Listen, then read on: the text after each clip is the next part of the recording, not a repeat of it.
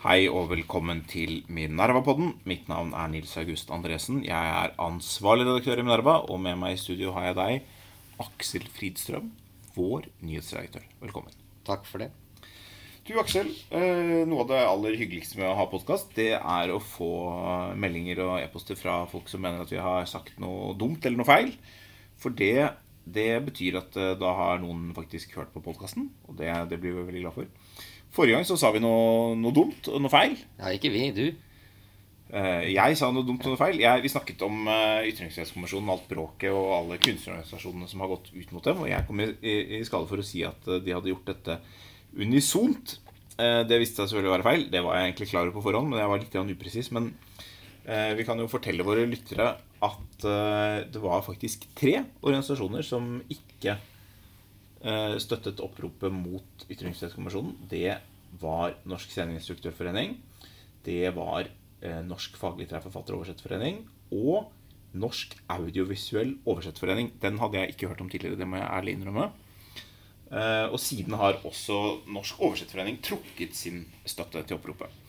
Det er jo hyggelig for Norsk audiovisuell oversetterforening, for det er jo det eneste vi vet om dem. er At de er sånn noenlunde fornuftige i dette spørsmålet. Det er, eh, det er fordelen med å være, være ukjent. og Man kan man markere seg positivt på ganske lett. Eh, når, nå er det unnagjort, eh, Aksel. Det Vi oppfordrer folk til å, til å sende inn eh, e-poster når vi sier noe dumt. Eh, Gi oss beskjed om vi sier noe dumt eller noe klokt, så kan vi alltids rette det i neste sending. Men det unnagjort, så, så tenkte jeg også bare minne våre lyttere om at vi har en papirutgave til salgs på Narvesen for tiden. Den er rett og slett en veldig god utgave. Ja. For å være helt ærlig. Det er jo annet fordi du har skrevet en lang artikkel der om, eh, om hva da? Om den mislykkede innvandringsdebatten. Ja, altså det er, en, det er en klok og balansert artikkel hvor du snakker med alle fornuftige mennesker i, i innvandringsdebatten i Norge. Ikke alle, men ganske mange. Jeg syns faktisk det ble et veldig bra nummer. Jeg håper folk vil kjøpe Dinarisen. Eller så kan man abonnere på Minerva. Det er ganske billig. 699 for et år uten papir. 1050 med papir. Og hvis du ønsker at Nils og Just skal fortsette å beklage seg på podkasten, så bare fortsett å sende inn meldinger. Kom med tilbakemeldinger, ring, SMS. Eh, ja, ta, ta kontakt på alle tenkelige måter. Så kan vi gjøre det også til en tradisjon. Det kan bli en veldig fin, veldig, veldig fin tradisjon. Du, nå har vi snakket nok om, nok om oss selv og, og våre egne feil. Eh, Det er mange andre som gjør mye feil i dette landet, og derfor har vi valg hvert fjerde år, sånn at man kan undersøke hvor mye feil de har gjort, og så justere kursen. Og i høst så har vi jo rett og slett stortingsvalg. Ja, det det har vi. jeg tenkte vi skulle ha en spesialsending om valget. Ja, så jeg tenker jo at alle sendinger er spesielle, men eh, det kan, vi kan du godt kalle den en spesial likevel. Ja. Selv om alle sendinger er like gode, gode sendinger. Det kan hende det blir flere spesialsendinger om valget også frem mot valget, for det blir jo bare mer og mer aktuelt. Men vi tenkte å begynne, begynne litt i dag.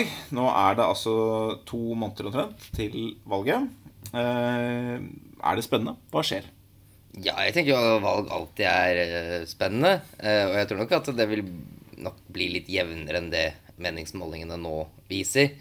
Men eh, det ser jo ikke sånn kjempelovende ut da, for, eh, for norsk eh, borgerlig side. Altså, de ligger veldig langt bak på målingene. Du har på snitt av målingene nå langt for juli, så ligger vel Frp på under 9. Både Venstre og KrF under sperregrensen. Og Høyre sånn 22 prosenters. Eh, og da er, det, da er det veldig langt frem til at de fire partiene til sammen har over halvparten av mandatene på, til stortingsvalget. De ligger vel på en uh, 36 pluss-minus. Uh, 36-37 prosent sammenlagt. Uh, det er jo ikke så veldig bra. Eh, de, hadde jo, de startet dårlig i 2017 også. eh, Men ikke så sent i, i sendingen, holdt jeg på å si. Men, men ved begynnelsen av året så tror jeg de hadde rundt 40-42 Eh, og da hentet de seg jo akkurat inn med et, med et nødskrik. Eh, men eh, vesentlig lenger frem denne gangen. Men det vi tenkte å snakke litt om i dag, Aksel, det er eh, hva er det som skal til for å få til denne fremgangen? Ja, altså det, det spesielle med eh, norsk politikk, eller så spesielt er det kanskje ikke, men jeg tror det er mer, det er mer i norsk politikk enn i, i politikken i andre land. det er at det, det er ganske mange sånne eh, små marginer kan endre veldig mye på sånne stang inn, stang ut-effekter. Eh, og da særlig knyttet til eh, hvem som er over og under sperregrensen. Så hvis du har de to mellompartiene Venstre og KrF over sperregrensen, og så eh, si f.eks. Rødt og MDG under, eh, så bidrar det til et veldig stort skifte i hvordan mandatsammensetningen i Stortinget blir. Men med forholdsvis ganske få stemmer flyttet. Bare de flyttet seg mellom de, liksom, de. Så det er jo det, den ene tingen som borgerlig side er helt avhengig av, er å få alle disse stang-inn-effektene. Mm. Eh, det andre er jo at eh, jeg tror nok at Frp må, må styrke seg ganske betydelig. Eh, de bør nok gjøre et valg på en eh, 12-13-14% egentlig, for å liksom kunne eh, være med å trekke dette lasset. De er de foreløpig eh, ganske, ganske langt unna, og jeg er ikke sånn overbevist heller egentlig om at det partiet kommer til å løfte seg så veldig mye frem mot valget. Så vi kan kanskje starte med å prate litt om dem. For du har en analyse litt av det. Ja, eh, vi kan, vi kan gjøre det. Først eh, begynne med det du sa der. Altså, vi, vi, er jo en uh, Norges beste borgerlige podkast, så vi er jo interessert i å finne ut hva de borgerlige kan gjøre for at de skal kunne få noe flertall. Så man kan ikke lage ulike scenarioer, men man ser vel for seg noe sånn omtrent at Frp trenger borti 15% Høyre 25 og de to andre 4,1 hver. Det er liksom et slags minimum for at man i det hele tatt skal nærme seg 50 Og Frp ligger jo langt under det. Og det er jo mange ting som har vært vanskelig for Frp før dette valget. Altså De har jo seks år drøyt det i regjering bak seg. Det betyr at den, den protestvelgermagneten som de har vært tidligere, den er det vanskelig å gjøre noe særlig ut av når man er så tett knyttet til til den sittende regjeringen. Eh, og så trakk de seg jo da som, som kjent i, i, januar 2020. Det var et dårlig tidspunkt å trekke seg på. Det var akkurat da pandemien kom. Eh, så man har både ikke eh, hatt noen mulighet for å, for å, få noe styringstillegg eller, noe, eller, å markere seg egentlig på noe særlig annet eh, det siste halvannet året. Og spesielt da med pandemien så er jo innvandring druknet fullstendig. Det var en måling som viste at det var på tiendeplass blant uh, velgernes viktigste saker. Sånne ting svinger litt, men det er, i hvert fall relativt langt ned på listen. Vi må huske på at i valget i 2017 så var innvandring uh, det viktigste uh, enkeltsaken for velgerne. Så det er en veldig stor endring av betydningen av den saken. Og det, her er det også flere langsiktige strukturelle forhold som, som taler mot Frp. Og det er at Arbeiderpartiet og Høyre Eh, har flyttet seg ganske mye eh, og, fått, og fått en, kanskje en tydeligere profil i innvandringsspørsmål, som gjør at det er, det er, mindre å tjene for Frp sånn sett. Og Senterpartiet har også begynt å konkurrere med en del av disse velgerne. Det var ikke Senterpartiet en sånn veldig veldig tydelig innvandringspolitikk, men de, de, har begynt å få Mange velgere assosierer med, med, med en strengere politikk, og de har jo i tillegg en, eh, et eget syn i EØS-spørsmål, som også er en betydelig del av innvandringen. Så, så, den biten er liksom blitt uh, vesentlig vanskeligere. Det som har slått meg nå, nå Det store spørsmålet for Frp er kan de klare på en eller annen måte å aktualisere dette likevel? Uh, og gjøre en ordentlig sak ut av dette? Og hva, hva skulle det i så fall være? Og jeg er så langt da ikke imponert. Og det, det er ikke meningsmålingene heller, så jeg, jeg, tror at jeg har rett i det. Og det er Man så jo da Eh, ved inngangen nå til, til, sommeren så hadde de et tydelig utspill. Det første liksom, ordentlige innvandringsrelaterte utspillet de, eh, si, som kan settes inn i valgkampsammenheng. Og det var knyttet til pandemien. Det var et utspill fra Sylvi Listhaug som var omtrent av typen eh, Hadde det ikke vært for innvandrerne, hadde vi ikke trengt eh, lockdowns. Det er selvfølgelig knyttet på den debatten som vi har snakket om tidligere i Minerva, Aksel. Eh, smitte blant innvandrere, smittevernsatferd blant innvandrere. At det har eh, vært diskutert eh, om den har vært god nok. Hva, hva, hva, som eventuelt kan forklare at det har vært så mye mer smitte i, blant innvandrerbefolkningen enn blant andre. Det er en interessant debatt. Helt, jeg, det som er interessant, er at jeg, i Frp-kretser har man snakket om liksom å, å bruke dette argumentet i ganske lang tid, eh, siden lenge før jul, eh, har man liksom hørt denne type samtaler i ulike Frp-kretser. Hvor man har liksom gledet seg til at man kan komme med dette argumentet. da Og tenkt at det være et veldig godt Frp-argument. Og jeg har hele tiden vært ganske overbevist om at det ikke vil være et veldig godt valgkampkort. Rett og slett fordi Ikke først og fremst fordi det liksom er hårreisende galt. Altså det, det, har vært uh, mye smitte blant innvandrere, og, og, det er lov å stille spørsmål om, uh, om, årsakene til det. Selv om noe av det er kanskje litt Det er ikke så godt å si akkurat hva som, akkurat hva som er hva, men, men, det er noen ting der som, som definitivt uh, bør kunne diskuteres. det som er utføringen fra et rent valgtaktisk perspektiv, er at dette er ting som ligger bak oss. Dette handler jo om smittevernatferd i stor grad da i fjor høst. Kanskje litt på nyere, da vi hadde disse bølgene. Og stor smittebølge i Oslo da frem mot da, mars i år. Men velgere belønner nesten aldri folk for å si noe om fortiden. Det beste eksempelet på at liksom, tidligere prestasjoner er, er verdiløse i valgsammenheng, er Winston Churchills valgnederlag i 45. God innsats under krigen. Takk for det, sa det britiske folket. Det var flott. Men nå vil vi noe annet. Nå er det ikke det som er viktig. Og sånn er det nok litt for Frp i dag. Uten noen som helst sammenligning for øvrig.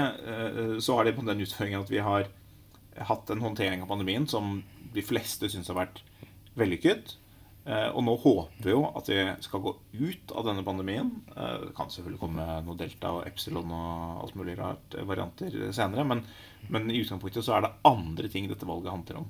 Og det å snakke om, om sneen som falt i fjor, det tviler jeg på at det er særlig virkningsfullt. Og det fremstår også som litt sånn desperat.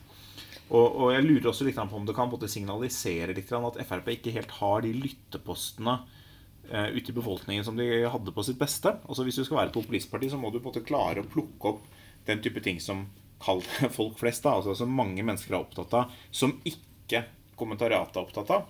Det er det som kjennetegner et godt eh, si, protest- eller populistparti. At man, man fanger opp viktige stemninger i befolkningen som de øvrige partiene og Eh, og mediene ikke er flinke nok til å fange opp. Det er jo det Senterpartiet har lykkes eh, godt med de siste årene. Og, og det har de lykkes godt med i konkurranse med, med Frp, som kan tyde på at Frp eh, ikke helt har det tilfanget av, eh, av stemmer fra lytteposter der ute. Og det er i så fall et veldig dårlig tegn for Frp i denne valgkampen. Jeg må bare, hvis jeg får legge til en ting. Fordi jeg, eh, jeg tenker jo at eh, deler av disse tingene som, som Frp og Listhaug tar opp, altså det er jo også, også viktige problemstillinger. Eh, altså du har mye, eh, mye mer utstrakt pandemi i minoritetsmiljøene, så er det, er, er det jo også viktig liksom, å, å, belyse det problemet og hvorfor, og hva kan man gjøre med det i forbindelse med neste, neste pandemi. Men jeg er nok enig med deg at jeg er ikke åpenbart for meg at det er et veldig veldig godt uh, valgkampbudskap.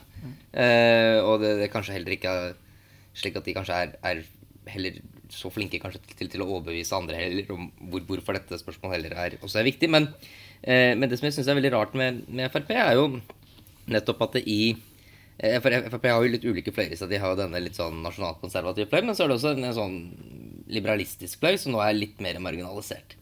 Men det som er uh, veldig interessant tenker jeg, i forbindelse med dette valget, når man har gått gjennom med uh, veldig strenge smitteverntiltak, som i og for seg hele kommentariatet har bejublet, og inkludert også Minerva har også argumentert for at disse smitteverntiltakene er, er riktige, og det er nesten ingen opposisjon mot dem, så eksisterer det et enormt egentlig politisk handlingsrom for en slags liberalistisk profil som problematiserer disse tingene. Uh, og der er de foreløpig ikke på ballen. Men der tror jeg de potensielt sett kunne hentet ganske mange velgere. Egentlig hvis de vil. Det er ikke sikkert at de ville hentet velgere over, over streken. At de ville fått mange Senterparti- og Arbeiderparti-velgere på det. Men de tror for eksempel, De, de kunne tatt veldig mange Høyre-velgere potensielt på det.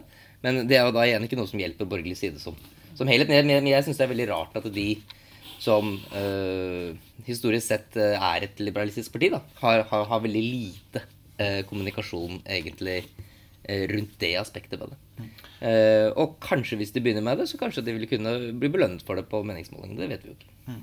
Nei, jeg tror, altså, Nå som de er såpass små som de er nå, så, så ville det absolutt kunne være en, en farbar uh, vei. Nå, det, det, kommer litt an på hva de faktisk mener i, i ledelsen og i partiet. Det vet jeg ikke. Men, men det kunne vært en farbar vei, for de er så små. Altså, hadde de vært en del større, så tror jeg det hadde vært vanskelig. Fordi håndteringen har vært så, såpass populær i Norge at det misnøyesegmentet som som det er veldig lett å forestille seg. Det må da være masse mennesker som mener det er bare tøys det vi driver med. og sånn. Det er ikke sånn kjempestort. Altså det, er, det er jo stort på enkelttiltak. Eh, alle mener at tiltakene burde ramme noen andre og ikke dem. Eh, men, men eh, den, liksom den, den, fundamentale kritikken den er, den er mindre utbredt. og det, det, det, betyr ikke at den ikke er der. Den har stort engasjement når den kommer, sånn som når Terje Tvedt har skrevet om dette. og vi har vi har kritisert ham i Minerva, vi intervjuet ham, og, og sånn, men det, det, er, en kritikk som ligger der eh, liksom, på hele tilnærmingen. Har vi valgt riktig tilnærming. Eh, og i andre land er dette større. Eh, men jeg tror nok at eh, det er begrenset i Norge. Men for det er klart for et 7 %-parti, som Frp var på, på for, forrige måling jeg så, så, så finnes det markedet der. Bare, bare si én ting til om siden du kommenterte dette med, eh, med innvandrersmitten og FrPs eh, budskap der. Altså, jeg tror at det er, det er to veldig ulike ting å si. Nå må vi sørge for at vi er bedre forberedt til neste pandemi. Vi må forstå innvandrersmitten, og vi må, vi må forstå hvorfor det er mer smitte blant innvandrere. Og vi må forstå hva vi, hva vi kan, eh, kan, gjøre med det. Det er en, eh, en type ting som, som, er viktig å, å finne ut av. Mm. Men det, når man sier 'hadde det ikke vært for innvandrerne, så hadde ikke trengt lockdown', så, så signaliserer du mest liksom, motvilje mot innvandrere. Og du, du sier 'ok, vi burde ført en annen innvandringspolitikk de foregående 20 årene. Men det er ikke til så veldig mye hjelp ved neste pandemi. Det er helt sant. Så, Men sa, sa, hun akkurat det? At de sikkert hadde vært Hadde de ikke vært for innvandrere, hadde ikke trengt lockdown. Altså det, er, det, er, ganske nære. Det var i hvert fall budskapet. Og det er en liksom eh, Det er et etterlatt inntrykk som, som, appellerer til en kjernegruppe, men som ikke eh, appellerer så veldig mye videre. Og det, det er der Frp liksom tidligere har vært flinke, at man har koblet den type si, budskap da, på, på bredt delte bekymringer og frustrasjoner. Og dette er nok mer en sånn Det er kanskje en, en frustrasjon over en del over de lockdownsene som har vært, og sikkert mange som har bekymret for, for ulike typer ting. Men det, men det, er ikke et budskap som fenger. Og det er også det at det sånn, dette kunne man jo håndtert politisk på en annen måte. Man kunne hatt bedre innreiserestriksjoner tidligere. Mye av dette har vært importsmitte Eh, fra Pakistan og andre land som vi vet hvor det, hvor det, har vært mye smitte og har vært mye import. Eh, og det kunne vært håndtert annerledes politisk tidligere.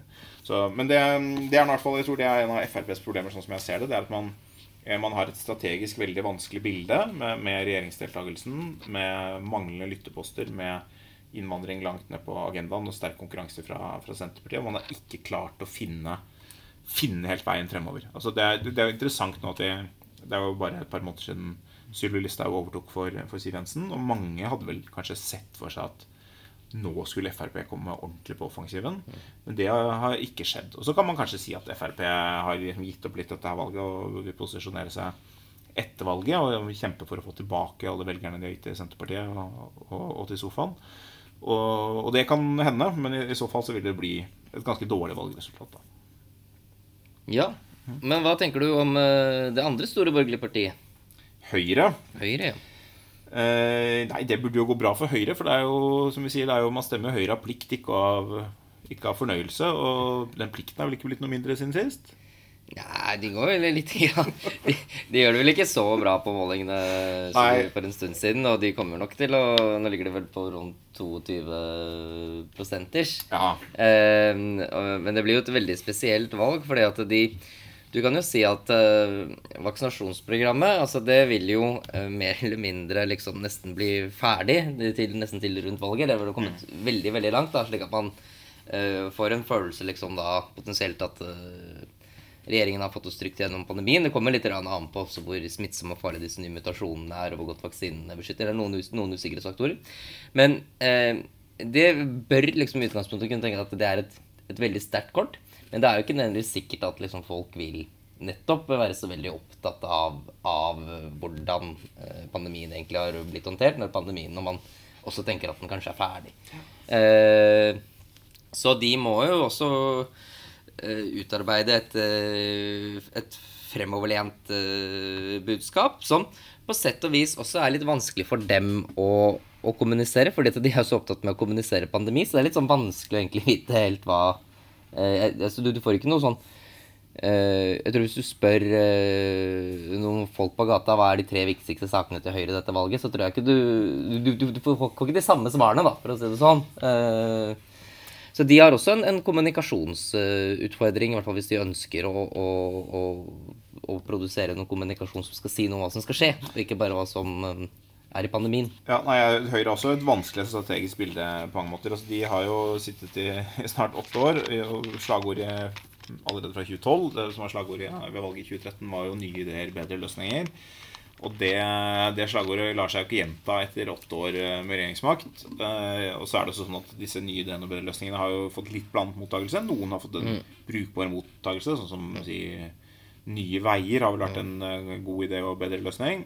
Mens la oss si fylkesreformen, regionsreformen, den er kanskje blandet mottagelse der ute. Og politireformen har en ganske blandet mottagelse. Så det er en del sånne eh, ting som man ikke Det er ikke så veldig lett å gå til valg på det man har gjort heller. For de, det, er ikke så veldig, det er ikke så populært. Men kanskje de skulle gått til valg på nye ideer og bedre løsninger som har virket en stund, men ikke lenge nok? ja. Kanskje det ville vært et bra, bra slag? det er nok sånn de selv oppfatter politireformen, i hvert fall. Dette, dette vil bli bedre enn det var, men dere må gi oss tre år til. Uh, og det, det, kan hende, men det, det er vanskelig valgbudskap. Nei, jeg tror Det som er krevende for et uh, parti som Høyre, er at man har sittet i fire år med, nei, åtte år med, med en veldig krevende firepartikonstellasjon. som så man har måttet bruke mye tid på å, å håndtere kompromisser. Det har vært enda mindre tid, eller enda mindre overskudd enn det ellers ville vært, til å utmeisle ny politikk for nye løsninger og sånn. Så, så, det er liksom ikke helt åpenbart hva som er analysen av tiden som ligger foran oss, og hvilke løsninger man skal ha. Så kan man si til Høyres øh, forsvar, eller i hvert fall til, til hjelp for Høyre, at Arbeiderpartiet har sittet åtte år i opposisjon også egentlig uten å lage noen ny analyse. De har sittet og holdt på med sine egne interne kamper. Øh, både maktkamper og policykamper, fløykamper, uten å komme noen ordentlig vei. Øh, så, så, sånn sett så stiller de likt. Men det, det som slår meg som Høyres ene, fort, en, en, en mulighet, det er det er, ligger litt knyttet til, eh, til pandemihåndteringen som et eksempel. Og det er at selv om velgerne nok ikke vil nødvendigvis belønne Høyre så masse for liksom, at de håndterte akkurat pandemien eh, Noen vil kanskje gjøre det, men, men eh, selv, om, selv, om, de vil se fremover, så er et sterkt kort for Høyre at de har håndtert flere kriser på en god måte.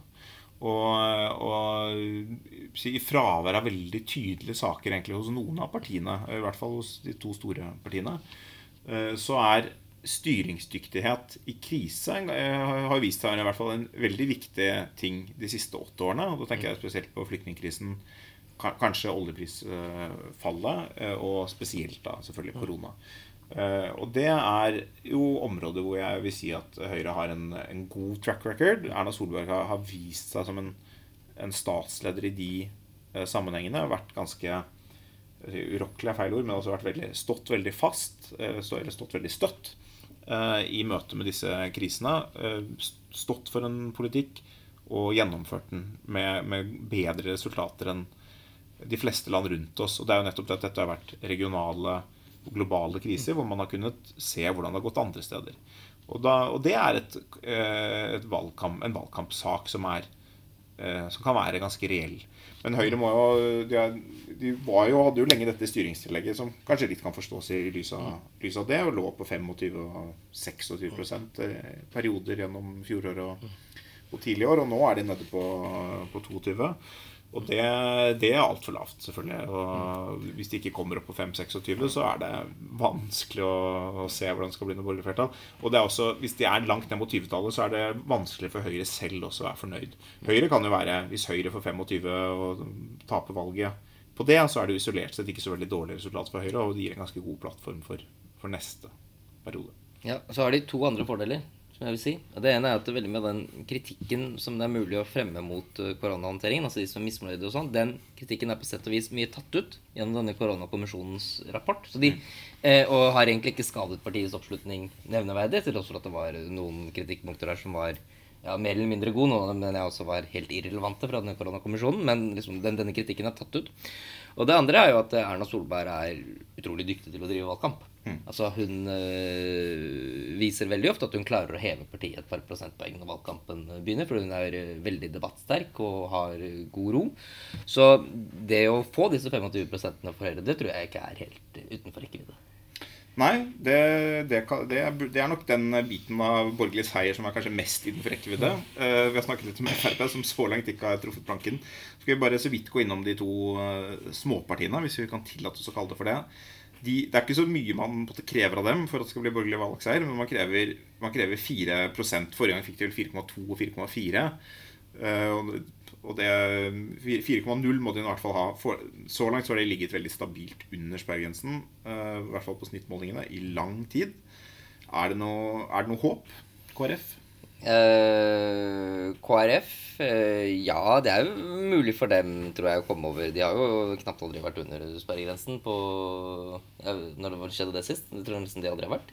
Men eh, det er jo et parti som blir stadig mindre og mindre og mindre, da. Så hvis man bare fremskriver eh, trenden lineært, så skal de jo havne under eh, grensen denne gangen.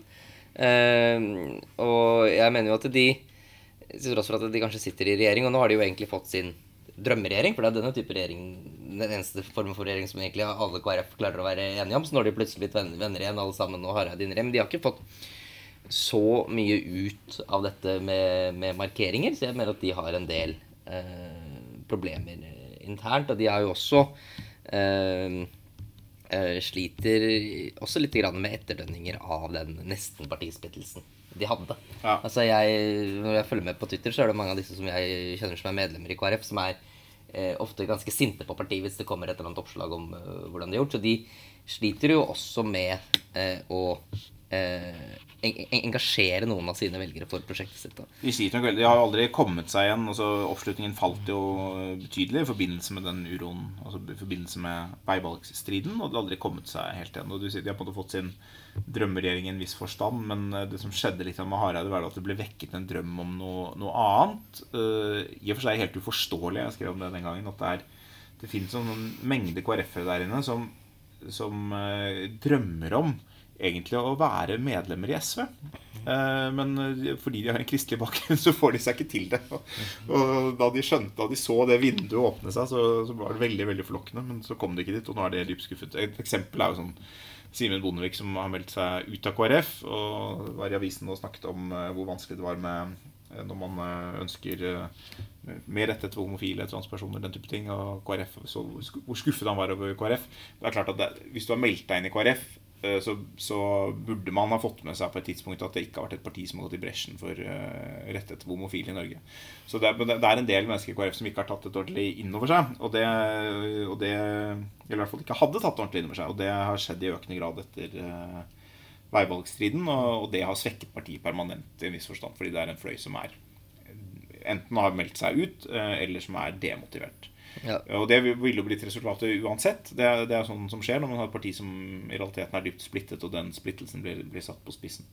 Men altså, er som du sier, de har ikke klart å markere seg under korona, og de har hatt også problemer med å få gjennomslag for sine saker. og det er jo, Selv om dette er deres drømmeregjering, så var den store fordelen for KrF med, da det ble flertallsregjering, var at det var mulig å få gjennom KrFs særstandpunkter. Og den muligheten er jo nå mer eller mindre borte. De kan, de kan påvirke litt språk i, i, hva som skal være utredningen om forbud mot homoterapi og liksom den type ting. Men får, disse særstandpunktene sine får de nå ikke gjennom. Og det gjør det vanskeligere å, å, å engasjere den fløyen av partiet også. Så de, kan, de lekker litt til de kristne, litt til dette nye sentrumpartiet. Selv om det er helt betydningsløst meningsløst i en valgsammenheng, så, så, klarer de akkurat å stjele nok stemmer fra KrF, som kan bli avgjørende. da. Det er jo den eneste funksjonen partiet sentrum har. Det, det vil være å hindre KrF å komme over sperregrensen. Så er, de, de, sliter en del og er nødt til å klare å markere seg vesentlig mer enn det de har gjort under, under pandemien. Eh, Venstre har litt samme problem, spør du meg. De har sittet med både Guri Melby og, og, og næringsminister under hele pandemien har selvfølgelig vært på pressekonferansene, men har ikke klart å ta ordentlig eierskap uh, under korona. Uh, de har jo sin gamle strategi, selvfølgelig, som de bruker ved hvert valg. Ikke bruker, men som, som skjer ved hvert valg. Det er, hva er det for noe, Aksel? Det er at de får noen høyrevelgere til, til utlåns. Det var i hvert fall det som løftet dem over sperregrensen sist. Eh, da de vel eh, signaliserte helt tydelig at de skulle være en slags garantist for eh, borgerlig regjering. Og da plutselig så spratt det over en masse høyrevelgere, særlig i Oslo vest og i, i Asker og Bærum. Da kom de til venstre. Men det spørs jo da om Høyres velgere ved årets valg er så motiverte for borgerlig seier at de til og med vil, vil stemme Venstre. Det, det, det, vet vi jo ikke. Altså De må ha, både være motivert og ha tro på. Uh, så kan man si altså Det er nok en del av disse venstrevelgerne til låns som er uh, mer sånn generisk borgerlige velgere. Mm. Det er ikke sånn at de nødvendigvis er høyrevelgere. De er uh, vippevelgere mellom de to partiene. Men, men om de får noen til låns hvis de fire partiene ligger dårlig an, for dårlig antall folk tror på valgseier, eller hvis folk er litt lei uh, av, uh, av, de regjeringene vi har hatt, så, så, kan det være veldig vanskelig for dem å komme over sperregrensen. Jeg tror de klarer det. Det er mitt, mitt tips. Ja, Ja. vi får se. De, de har nok også et veldig behov. Du kan si de har også da, Venstre er også et parti som kunne vært en sånn liberal, en kontrær stemme mot koronahåndteringen. Det har selvfølgelig vært helt umulig fordi de har vært i regjering. Eh, Så de, de har også hatt en del sånne Alle de borgerlige partiene har på en måte hatt sine ganske sånn klare strategiske begrensninger på hva, hva de kan få til, og hva de kan gå til valg på. Så, så de stiller eh, de, Man skulle tro at de stilte dårlig, og, og meningsmålingen viser det at de stiller dårlig. At dette blir veldig, veldig, veldig, veldig vanskelig. Så hva tror du? Blir det borgerlig seier, ja eller nei? Jeg tror, tror nei, eh, men dette, er den, dette skal vi følge opp i podkasten over sommerferien. selvfølgelig, Og følge med fra dag til dag hvordan utviklingen blir. Vi har satt utgangstonen her. Frp ligger på under 9% Høyre ligger på 22 De to småpartiene ligger under sperregrensen. I sum er det da si en 12-13% opp til man begynner å nærme seg. Så da, da er det en ganske lang vei å gå. Aller lengst vei for Frp. Og men Høyre må løfte seg noen prosentpoeng. Og Venstre og KrF må vippes over sperregrensen. Det er utfordringen. Og så langt så syns jeg ikke vi ser noen veldig tydelige tegn til at det skjer. Jeg er enig. Men jeg tror det er uh, mulig, men jeg tror det er ganske Jeg tror i hvert fall det blir eh, jevnere enn det målingene viser nå, men det er veldig langt frem. Med disse dystre ordene så vil vi gjerne ønske våre lyttere god sommer. Så tar vi ferie et par uker, og så er vi tilbake i august. Adjø, lytterne.